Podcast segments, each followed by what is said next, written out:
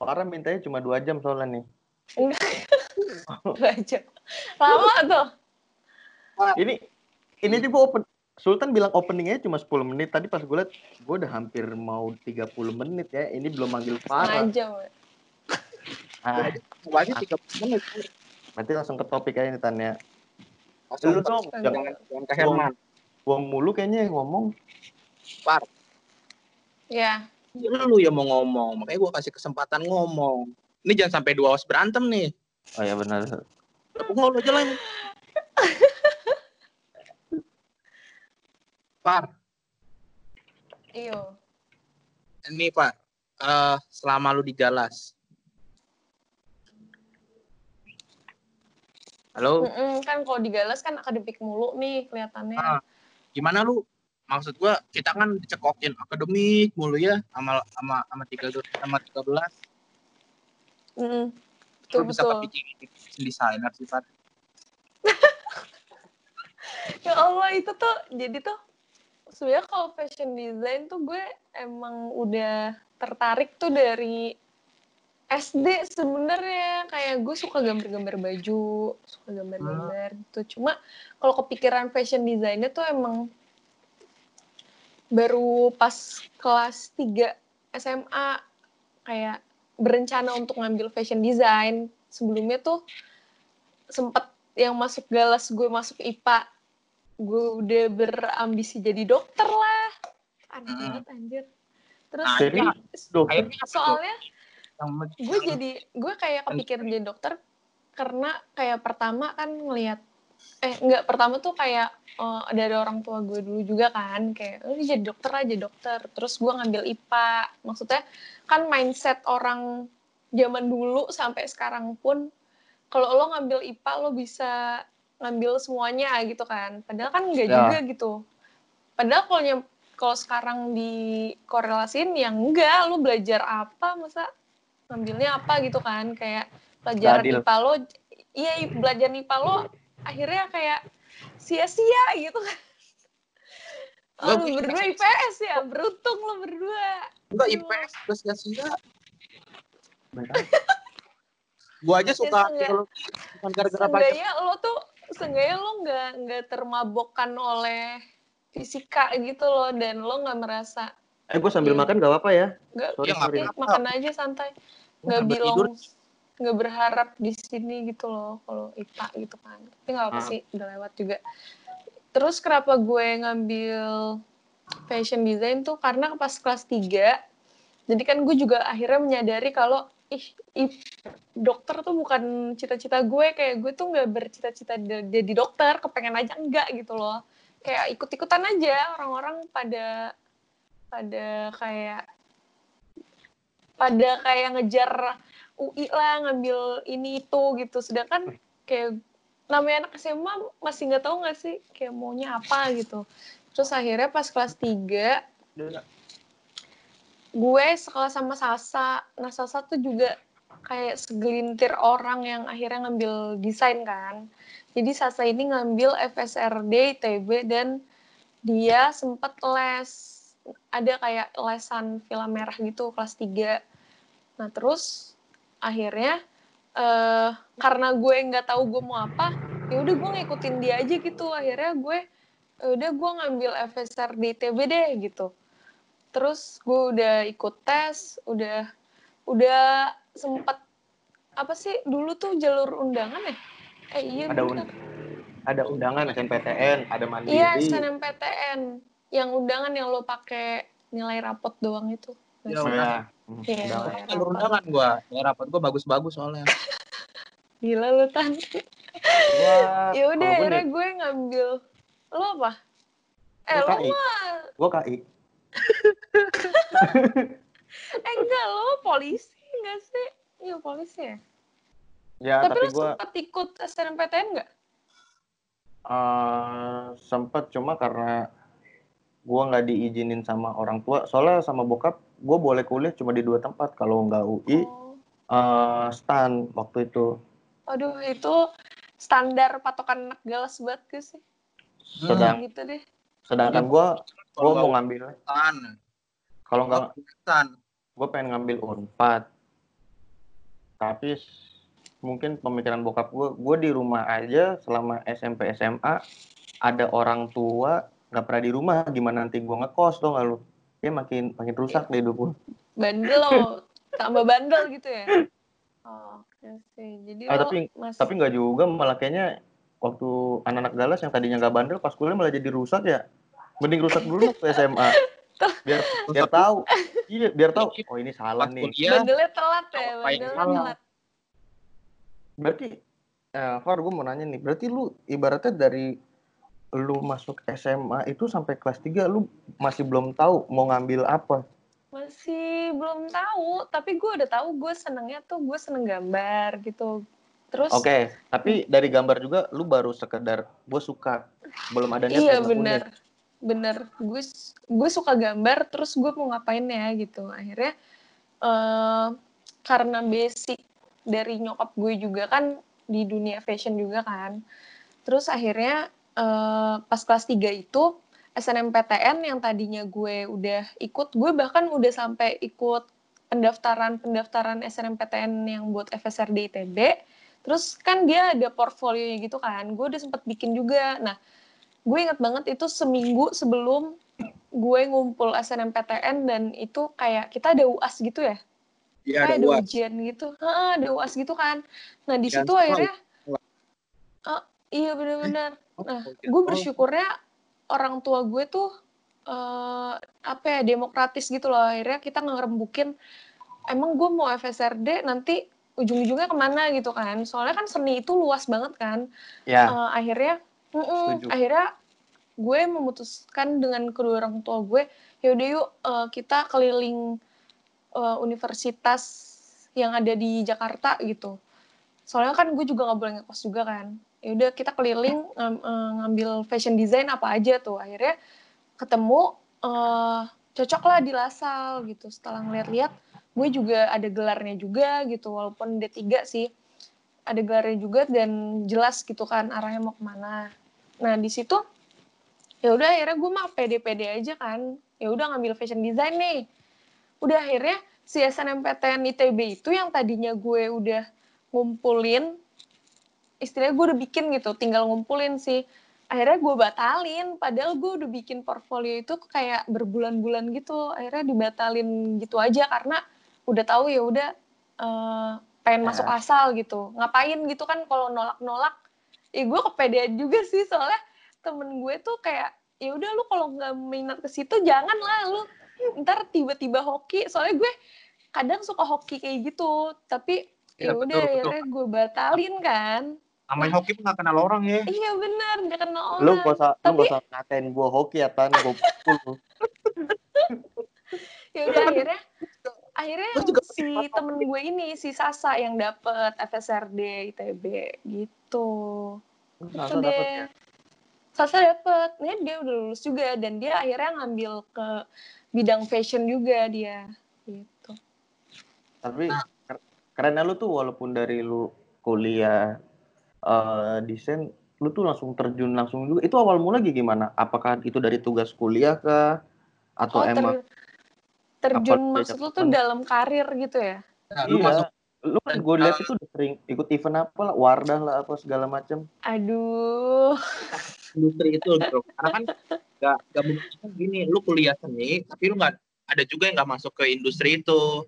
Oh iya bisa bisa. Ya soalnya dari dari obrolan lu ini Far gue tuh pengen eh, menurut gue lu salah satu narasumber yang alumni Galas yang udah terjun langsung dan ini tuh nanti bisa ngasih tahu ke adik juga.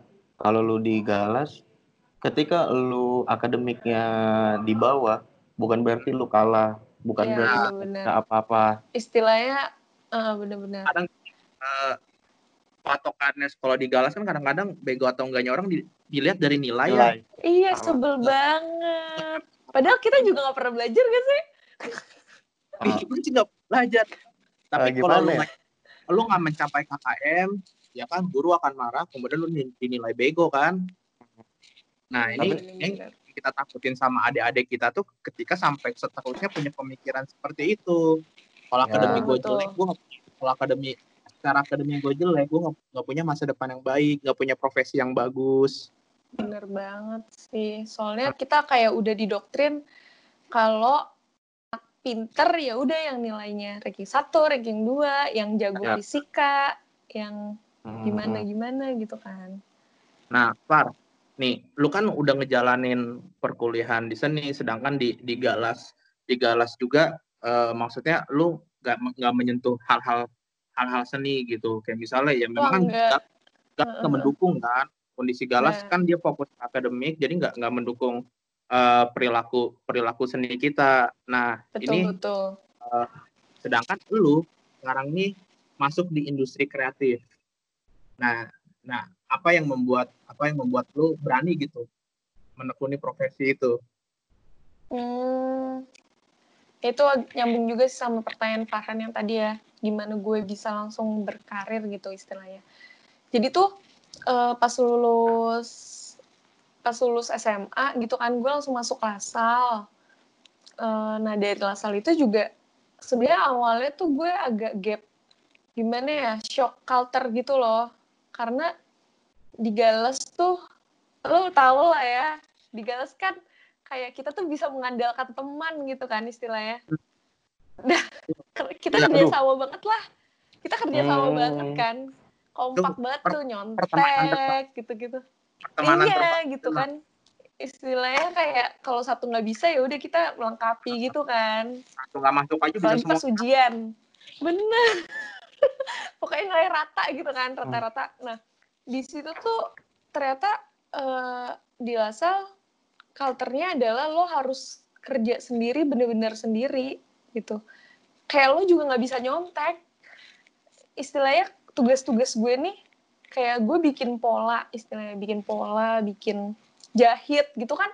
Itu tugas-tugas yang nggak bisa dibantuin sama orang lah istilahnya. Nah dari situ ya udah akhirnya gue eh, menyesuaikan diri juga dan pas nyampe Lasal pun gue masih bertanya-tanya gitu loh ini gue eh, beneran berbakat apa enggak sih gitu loh. Di di setahun pertama tuh gue masih yang nyari-nyari eh, ini beneran gue masuk desain gue beneran mampu nggak sih? Kayak gitu loh. Nah akhirnya eh, titik baliknya adalah ketika gue memberanikan diri eh, gue ikut lomba nih. Untuk untuk apa ya? Untuk pembuktian diri juga deh gitu. Akhirnya setelah itu gue ikut lomba eh, si yang Wardah ini. Nah dari situ kayak oh ya udah pede nih pede gitu akhirnya gue menetapkan diri ya udah gue eh, ngejalanin fashion design ini harus sampai akhir karena gue udah mulai gitu Berarti dari lu awal masuk kuliah aja dengan lu udah milih di Lasal, lu masih bimbang tuh ya antara lu tuh bisa apa masih enggak? bimbang masih bimbang banget karena kan eh, itu Oh, lu gila banget pelajaran-pelajaran sih. SMA tuh gue nggak pernah belajar cuy tata busana aja nggak ada kan Nah, kan kota besar cuma ada di Gapul. Ih. Eh, lu Gapul juga nggak sih? Gapul kan ya? kita gapul juga lagi gapul galas iya Tata- bener-bener jadi tuh tata busana juga nggak jelas, cuma bikin bukti kak. Kebatik nantinya jelek. Aduh, jahit ya kan gitu sih bener di galas tuh emang nggak nggak ini ya apa nggak friendly gitu ya kalau kita Betul. ngambil sesuatu bidang di luar akademi gitu loh kayak Udah gitu, kurang kurang di sekolah dukungan kan Di sekolah nggak boleh ngerokok lagi Tan ya, nggak ngedukung anak sekolah. Soalnya padahal ngerokok bikin kreatif gitu kan iya, bak. Padahal Aduh, pemikiran-pemikiran kreatif itu muncul saat ngerokok. ada dua kalau anak cowok ya, gue nggak tahu kalau anak cewek. Anak cowok itu bisa otaknya bekerja berkali-kali lipat ketika dia ngerokok. Dan Yang kedua, ketika dia lagi berak. Dan kalau misalkan lagi berak sambil ngerokok, itu luar biasa. dua kali lipat. itu kayak Dua kali lipat. mind Serius. blown ya Itu serius.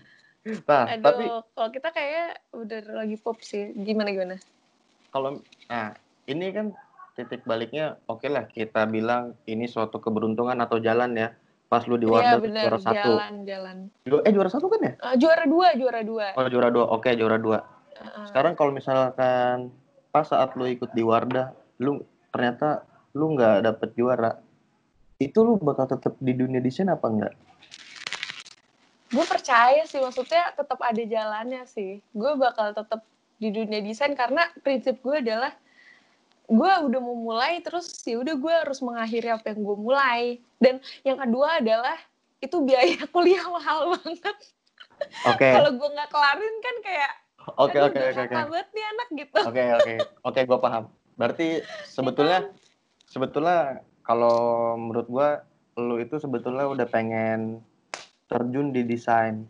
Tapi dengan lu Hmm. ikut Wardah itu sebetulnya cuma buat buktiin kan lu layak apa enggak.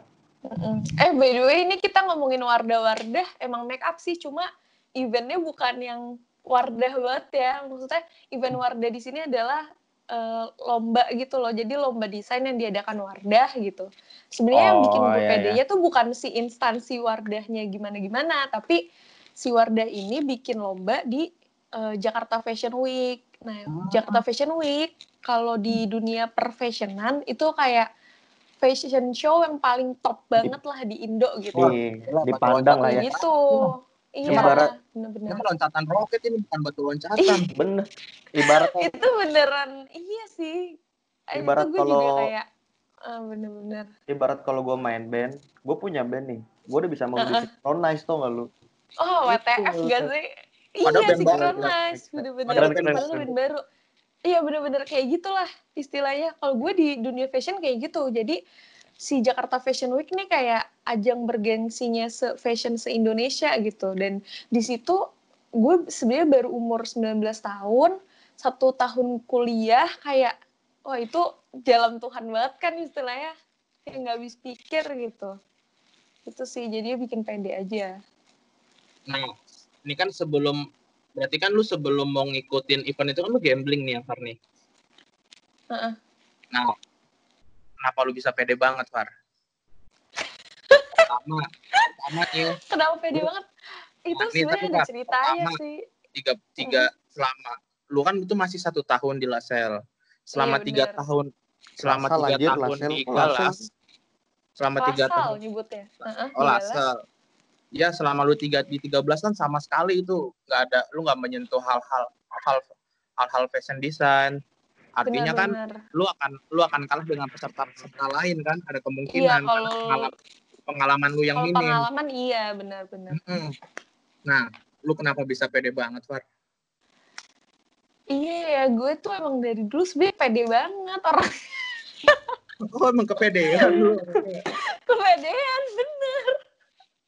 Nggak jadi, jadi kan itu gue eh, setahun kuliah itu gue ada eh, tugas bikin satu koleksi gitu. Nah sebenarnya eh, yang koleksi yang gue lombakan ke war ke lomba Wardah ini adalah eh, si koleksi tugas gue. Sebenarnya gue juga nggak apa ya nggak melakukan sesuatu yang lebih banget lah gitu. Jadi gue ngumpulin tugas gue itu sebenarnya dan dan sem- eh, gue pas ngeliat poster lomba itu jadi tuh si Lasal ini tuh bener-bener environmentnya tuh bener-bener apa ya ngedukung banget loh untuk untuk mahasiswa itu berkembang. Nah pas gue ngeliat si poster itu kayak ada panggilan gitu loh.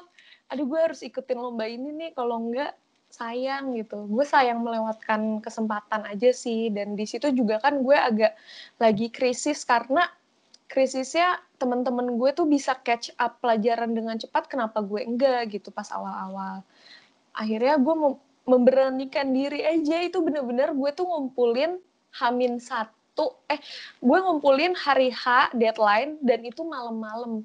Gue inget banget itu hujan malam-malam jam 8 gue ngeprint dan gue langsung kirim gosen ke kantornya. Itu sedorongan itu juga dan kayak gitu gitu Nah, kepedean-kepedean ini lu dapetin dari mana, Far? Apa dari SMP lu emang Hmm. kepedean, Terus? ya kan? Kalau misalkan lagi yang yang hebatnya lagi, oke lah dia pede. Tapi kan namanya orang kan ada batas tuh lu kepedean. Iya. Ketika pas lu toto lu down nih ya kan. Pas walaupun ah, gue pede nih tapi down. Itu ada ada ya pendorong lain gak sih selain diri lu sendiri? Oh, kayak gue pede nih tapi gue ngeliat kemampuan gue gitu.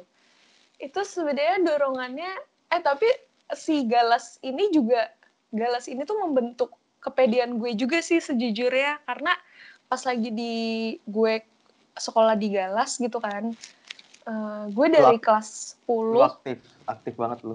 gue aktif di OSIS kan. dari kelas 10, kelas 11, kelas 12 gue tuh aktif di OSIS sampai uh, gue ikut panitia Seroja Cup juga. Lu baik kebantu gue pokoknya.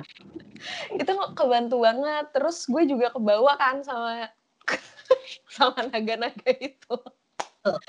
Wah, berarti hal positif ya. Aduh, gue makin bangga sama adik gue. Ada, ada positifnya. Buat naga kalau kamu dengar juga... pasti kamu senyum-senyum. Gue kira naga cuma bisa nyembur naga, nyembur api.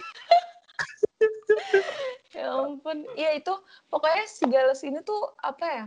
Lingkungan yang kalau lo sebenarnya bisa menempatkan diri itu bakal bisa nge-improve rasa kepercaya diri lo gitu. So, nah makanya kayak ikut osis itu tuh sesuatu yang gue dapetin ikut osis, ikut panitia seroja, ikut aktif kayak gitu-gitu tuh itu kesempatan sekali seumur hidup sih bagi gue jadi pas di kuliah pun ternyata gue tuh di kuliah nggak ada yang uh, organisasi, organisasi BEM yang gimana-gimana gitu. BEM-nya nggak nggak begitu istilahnya nggak begitu kelihatan lah gitu.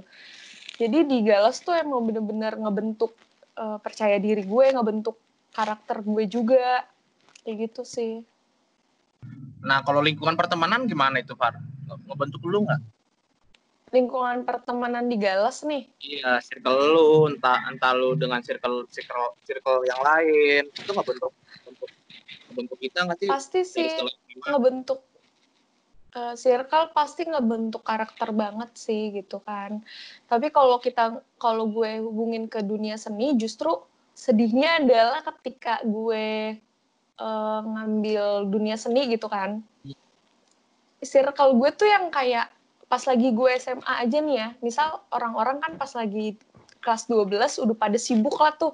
Tiap hari ngomongin UI, tiap hari ngomongin universitas SBM. ini, universitas itu gitu kan. Hmm. Iya, mereka pada pusing SBM, SNMPTN. Sampai-sampai tuh pas kelas 12 yang gue udah uh, menentukan gue akan masuk lasal gitu kan.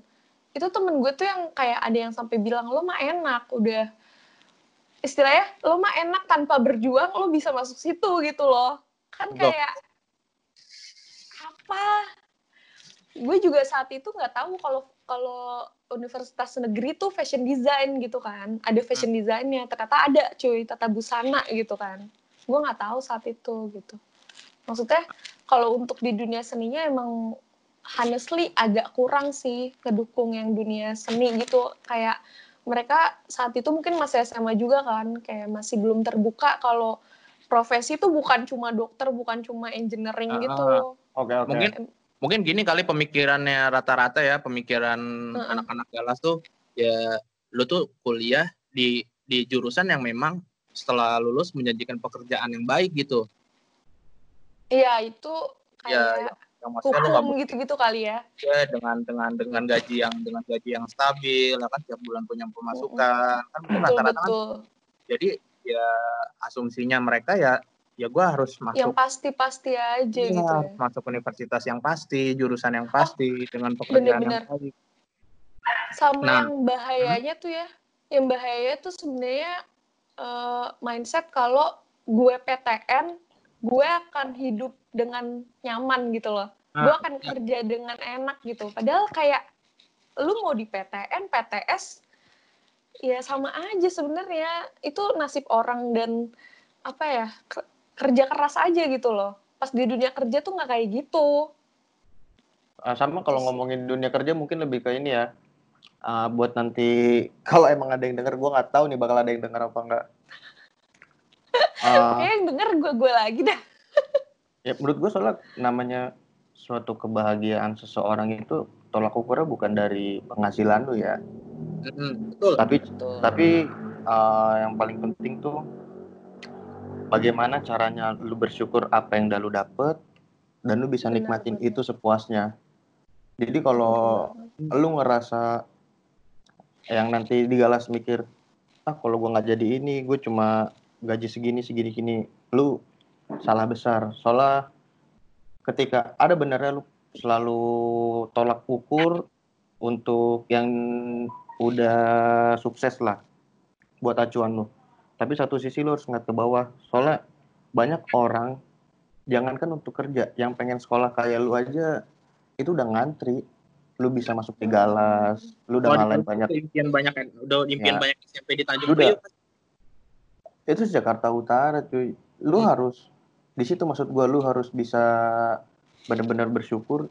Jadi apa yang udah lu dapat sekarang lu nikmatin prosesnya. Nanti bakal datang sendiri yang namanya kebahagiaan lah kenyamanan lu dalam hidup lu. Betul betul. Jadi nggak kalau lu selalu ngejar eh ketika target lu nggak berhasil dan lu lu stres yang ada hidup lu cuma musingin target lu itu doang. Iya nah ini yang itu gue suka apalagi dari, kalau anak SMA gitu ya.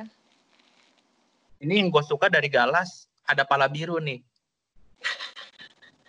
Nah kenapa rasa- tuh?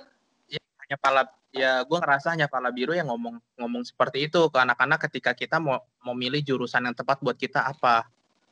Hmm. ya karena Benar-benar. gue rasa pala biru ngajarin ngajarin bener banget sih.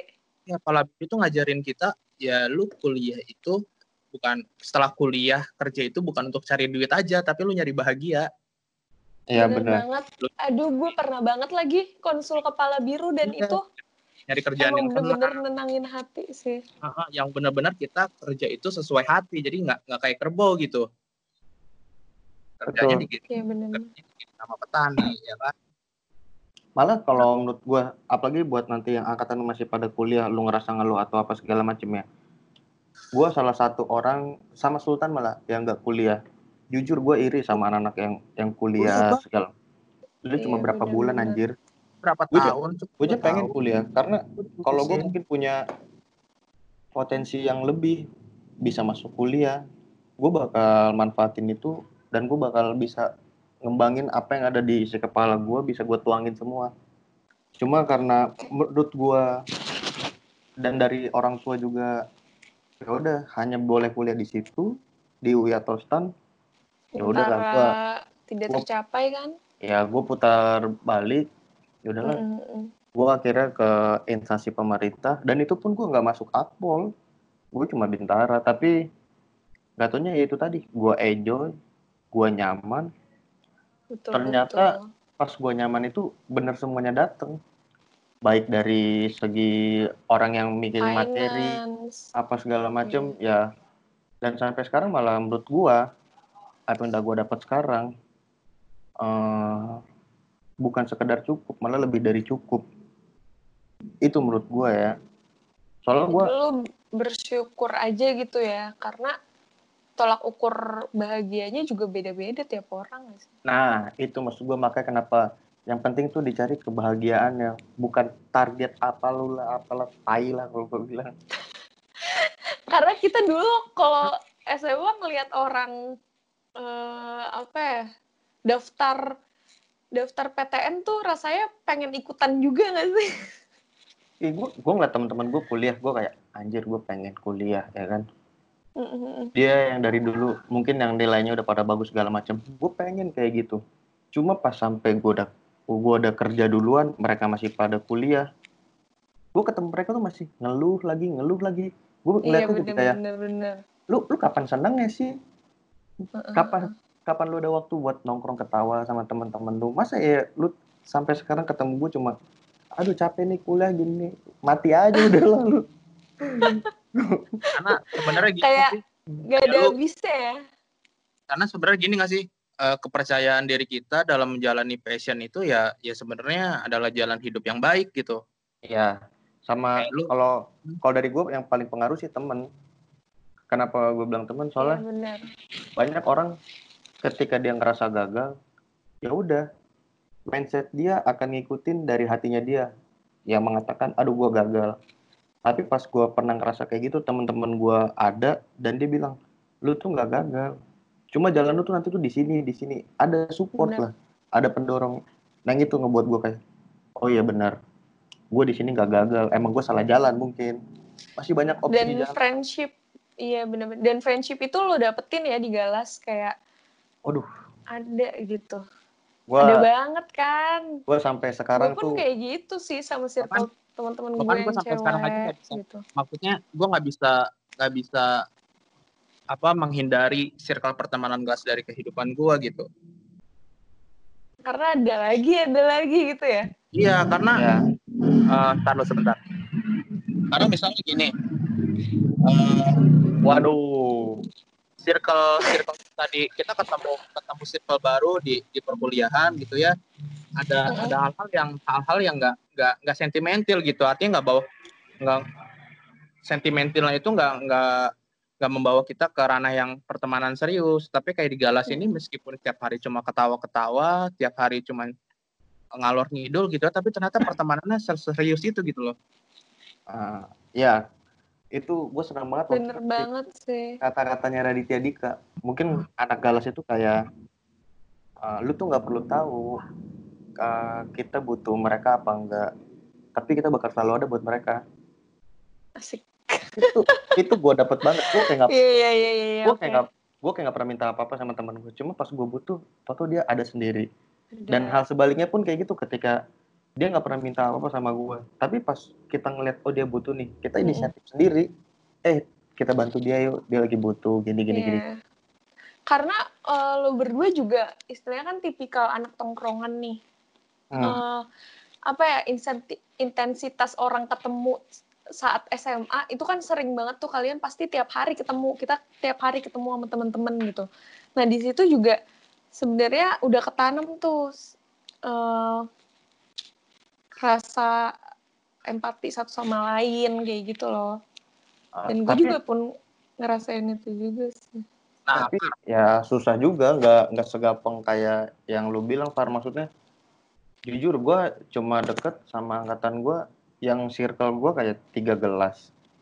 Mereka untuk saat ini eh, dari tiga gelas sendiri udah ngerasa kita udah bukan dari temen tapi udah kayak keluarga.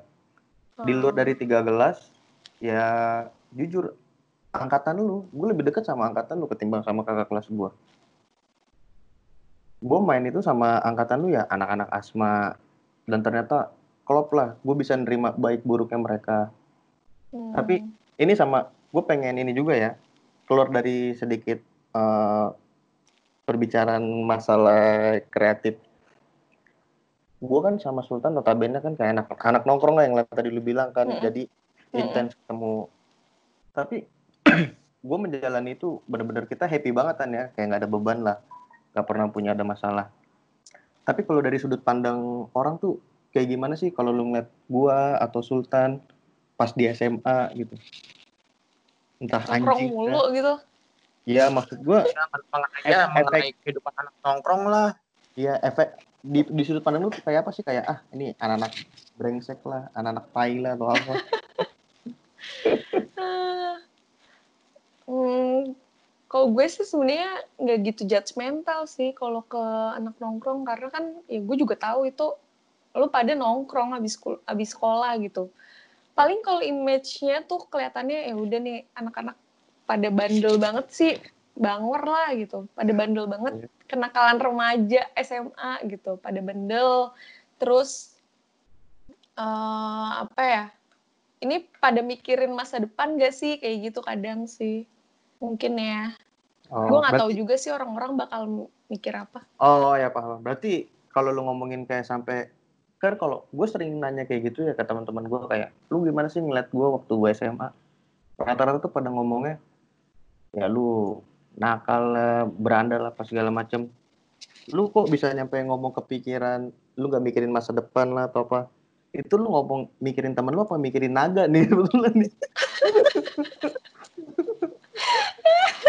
soalnya kok Ya kan gue gue melihat dari sudut pandang terdekat gitu loh. Oh kan iya, gue bener, bilang, bener, gue bener, nggak bener, bisa bener, ngejudge mental lo semua gitu Bener, bener, loh. bener, bener, Ya bener. anjir ntar aku baper lagi. Nggak nggak. gue ngeliat, gue gue tahu dia pasti bakal bikin masa depan tapi kayak nggak kelihatan gitu loh istilahnya. Ngerti gak? Iya, kayak iya, lo pulang paham. ma- apalagi pas lagi SMA kan lo lo eh, nih lo pulang sore gitu. Terus lo malam lanjut eh lanjut lo pulang sore. Lanjut. Terus lo pulang bentar lo pulang bentar numpang mandi. Terus lo balik lagi ke tongkrongan terus lanjut ya pagi gitu kan istilahnya. Terus lo sekolah lagi nih.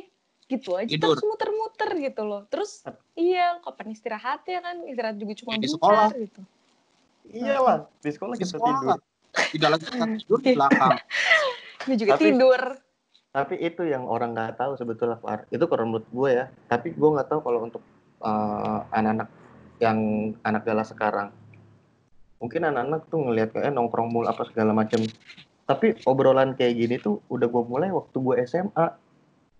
Oh, Gue sama anak tiga gelas itu udah kayak sering bahas-bahas kayak begini. Lebih, ngobrol yang ngalur Iya. ngidulnya tuh ya kayak gitu ya ya lebih, lebih, lebih udah ke depan lah kayak mikirin entah permasalahan di sekolah lah, cara nyelesain masalah, sampai yang bikin kompaknya itu kayak kita bikin jaket angkatan, kita cari duit dari jaket angkatan, itu ketika nanti jaketnya jadi, itu buat subsidi silang ngebantu eh, anak-anak yang kurang mampu biar bisa ikut ke Bali.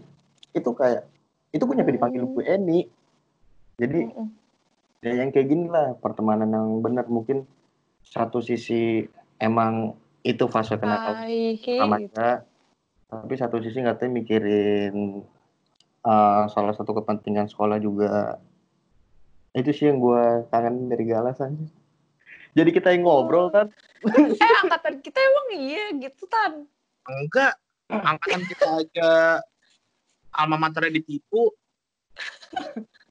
Kalau itu kasusnya sampai sekarang sih. Ya, Gak kita mana sih ikhlas gue kalau- yakin Nah, Par, kita kan eh, maksudnya eh, kita tahu kalau eh, Galas itu yang mendukung mendukung itu sebenarnya adalah lingkungan pertemanannya ya.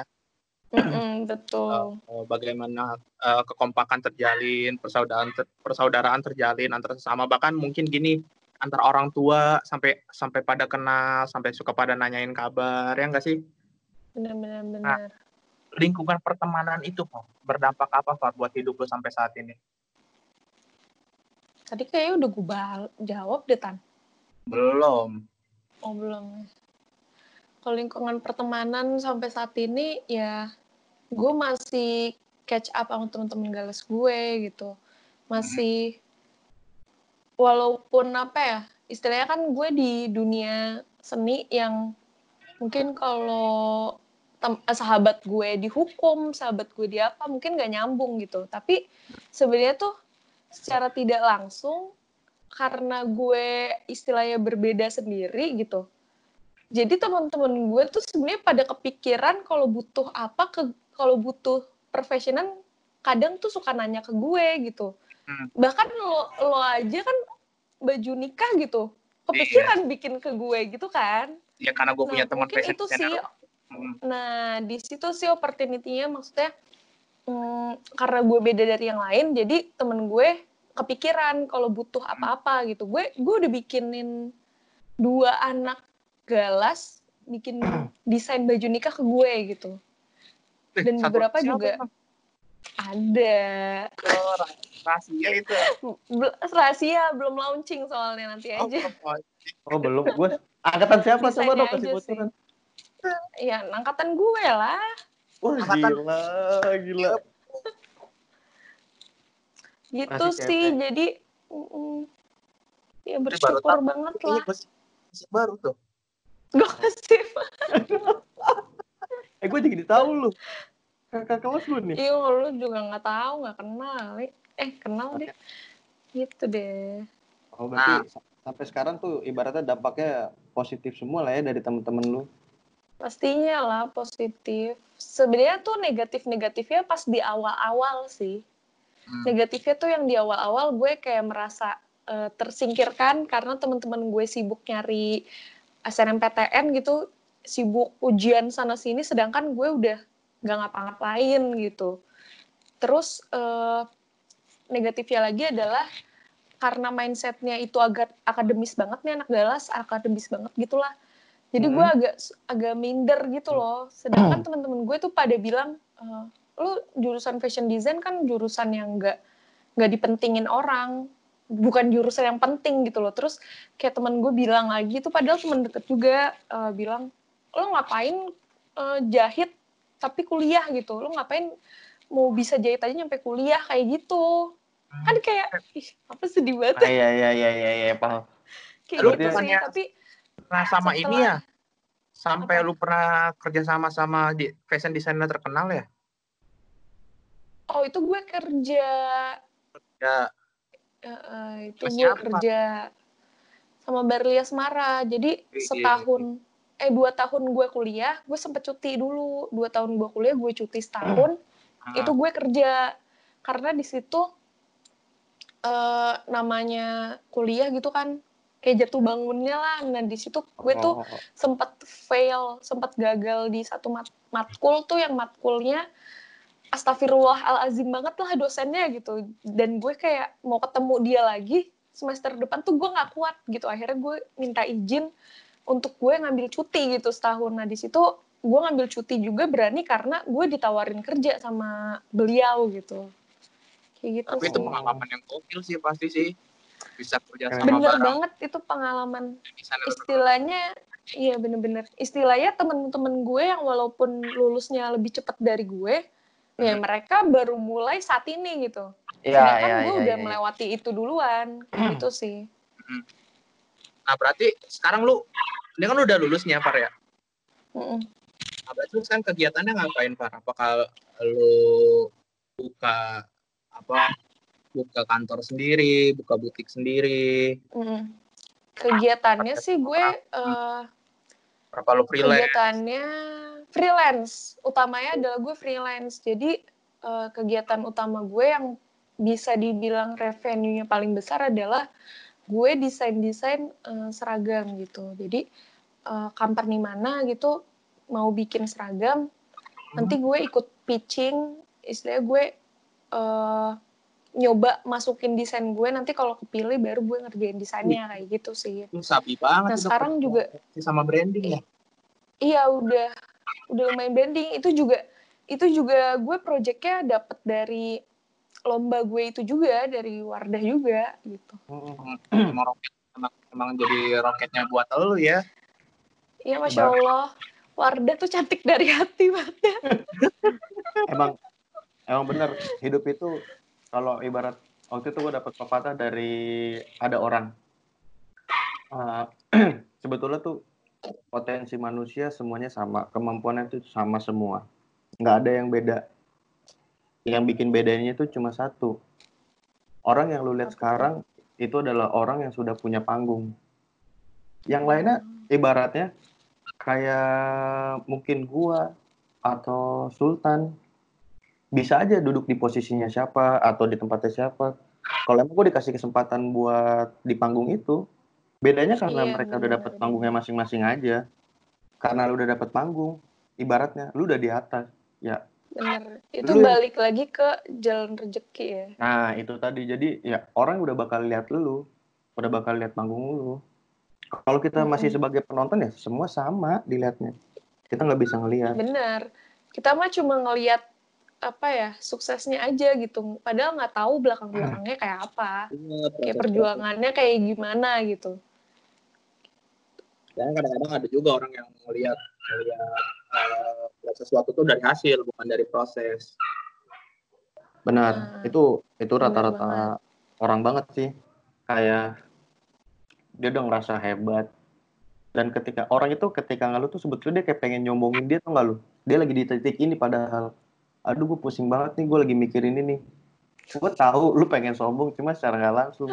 Tapi pas kita nanti, Oh, ya lu paham kan maksud gue? paham itu itu sebenarnya nggak semua orang kayak gitu sih jadi itu tipikal gue gue paham tuh ada temen gue yang kayak gitu juga itu tipikal dia tuh mm, mau mau sombong iya mau sombong tapi dengan cara yang minta dikasianin gitu Merendah untuk meninggi. Tai. iya Merendah untuk meroket. padahal apa ya padahal dia tuh bukan mengasihani diri dia tapi mengasihani orang lawan bicara dia Tapi nanti pas kayak dia butuh Mm-mm. pas nanti toto orang lawan bicaranya udah punya panggung dia ngerasa oh ya iyalah lu mah enak jalan lu lancar kalau gua kan emang ada masalah jadi Hmm. buat sampingnya dia sendiri gua kayak ah tai lah lu Itu nyebelin banget sih orang-orang kayak gitu. Ya padahal pada dasarnya semua orang prosesnya sama ya. sama betul Ya, Cuma benar itu aja panggungnya beda-beda. Iyalah kita dikasih jatah 24 jam semua sama. Ah, betul. Betul banget. Nah, Far, uh, ini kan lo berarti kan udah nyampe ibaratnya lu udah nyampe di mana panggung lu sekarang ini sebagai fashion designer ya, Far? Uh-uh. Halo? Iya. Hmm, kedengeran. Ya. Uh, ini lu punya pencapaian apa lagi, Far? Pencapaian-pencapaian terdekat lu, Far? Apakah lu mau mau ya ibaratnya mau bersanding Depannya dengan gitu Ane ya. Avanti atau Baldi Asmara ya kan? Apa lu ada apa lu punya mimpi itu?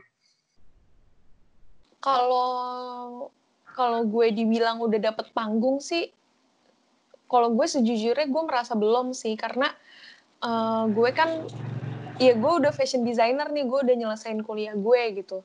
Tapi tapi pasti ada pencapaian-pencapaian gue ke depannya gitu. Kayak eh, yang yang sebenarnya yang terdekat ini gue pencapaiannya adalah gue mau bikin usaha sendiri gitu. Karena gue udah merasakan eh, kerja kantoran dengan environment yang seperti itu eh, kayak apa ya nanti dulu lagi deh.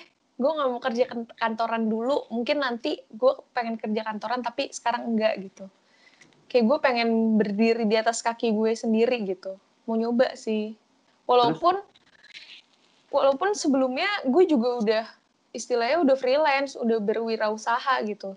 Tapi pengen sih bikin brand yang insya Allah nanti settle lah gimana Berarti kalau dari deket-deket ini menurut lu, lu pengen usaha apa nih? Siapa tahu gue sama Sultan lagi kosong, punya ide yang sama, sejalan. Kita kolaborasi atau enggak? Oh, gue harus sejujurnya ya, itu impian gue dari awal gue mau masuk fashion design. Itu inspirasi gue adalah gue pengen bikin mau kena sih sejujurnya. Kenapa gue desain mau kena. Karena gue pikirnya mau kena itu tuh dari dulu mau kena itu dari dulu bentuknya gitu-gitu aja. Sebenarnya tuh bisa dikembangin banget gitu. Kenapa mau kena juga karena gue percaya kalau gue ber apa ya kalau gue berbisnis tapi dengan berlandaskan eh, hati gitu hati nurani dan gue membawa agama gue gitu Wah. itu gue berpahala gitu loh ngerti gak sih? Paham, maksud gue paham. gue bukannya bukannya gimana gimana ya tapi impian impian gue kayak gitu sih. Ya, jadi gue keren, berbisnis keren, keren, sekaligus menag- menabung pahala. Anjir masya allah. Jadi berkahnya Itu- panjang ya. Itu ibaratnya kalau di Al-Quran atau hadis, kata sahabat, ah, ketika antum atau anak-anak mengejar akhirat, insya Allah dunia akan mengikuti. amin amin iya bener-bener kayak gitu Ya. eh tapi Ya, barusan tapi sebenarnya ini masya allah ah, Far. Far. Mungkin ini eh, terakhir nih, Far. Eh, ya, lu udah maksudnya lu anak galas yang lingkungan galas itu fokus ya ke akademik, kemudian lu memberanikan diri masuk ke industri kreatif nih. Tapi kan pasti eh, nggak berhenti nyampe situ. Adik-adik kita juga pasti banyak yang yang mau masuk terjun ke dunia itu ya kan?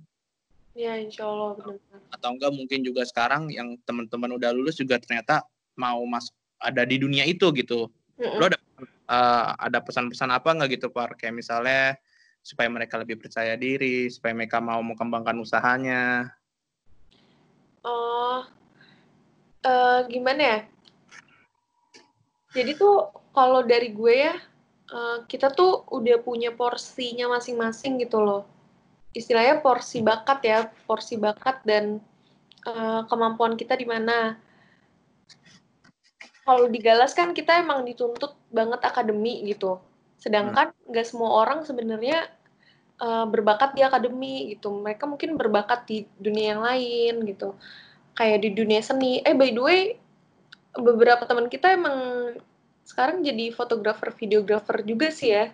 Banyak sih yang udah mulai karena fotografer, videografer udah, mulai mereka mulai berani ngegali bakatnya. Mungkin dari dari yang bermusik juga ada. Oh iya benar. Kalau Akhirnya poten- potensinya kan keluar. Iya iya iya.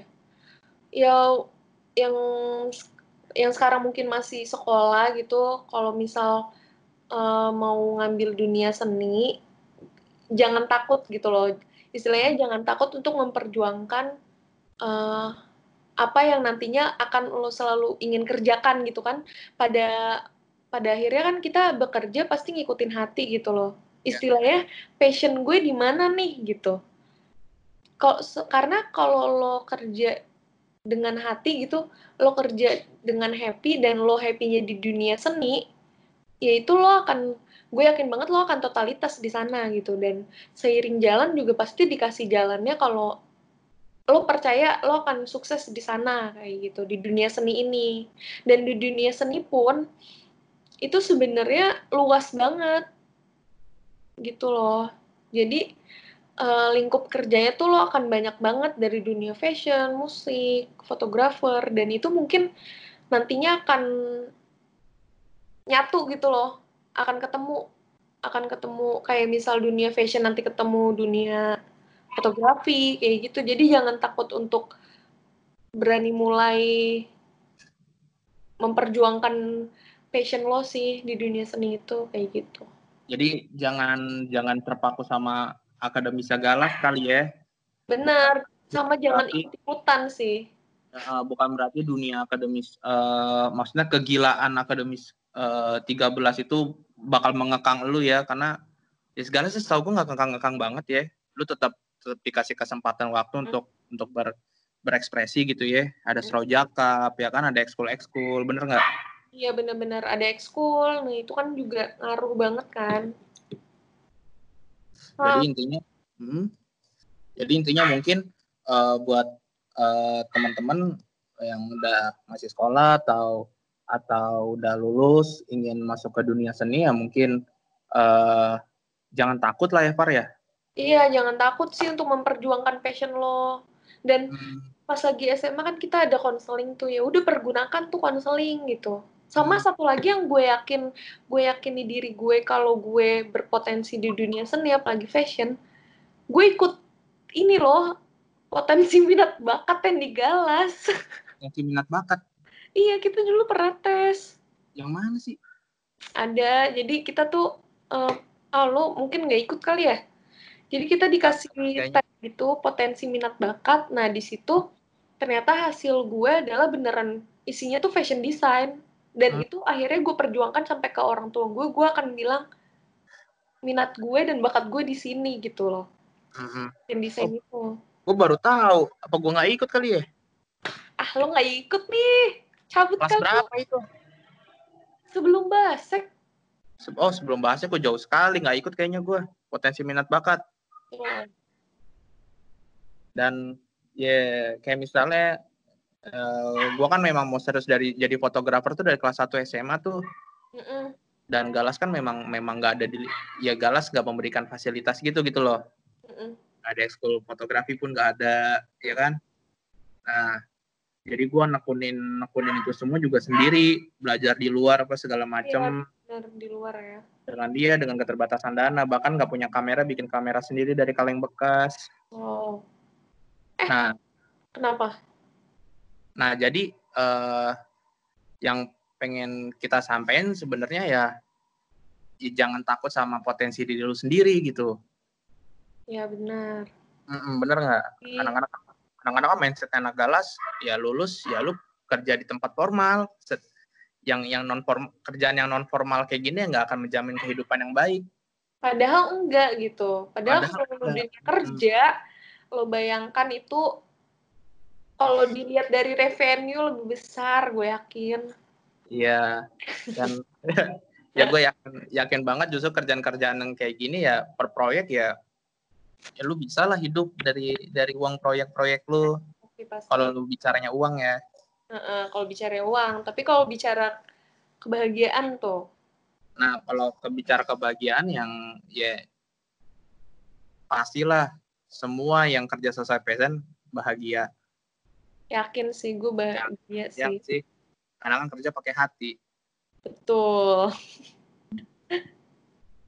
ya udah, Par. Ya. Sukses terus buat buat profe eh, profesi yang lu jalanin sekarang. Amin ya kan semoga apa pencapaian-pencapaian lu ke depan dapat Iya. dapat terjadi ya kan Ya, lu juga sukses juga ya. Semoga eh segera mendapatkan klien-klien yang bombastis.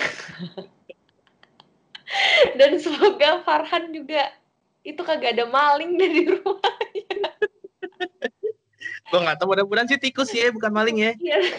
Semoga ada kabar baik ya dari Farhan tiba-tiba cabut. deg-degan juga nih nunggu kabarnya Udah ya. oke thank you ya Par Yoi, sama-sama. Dadah, thank you so. bye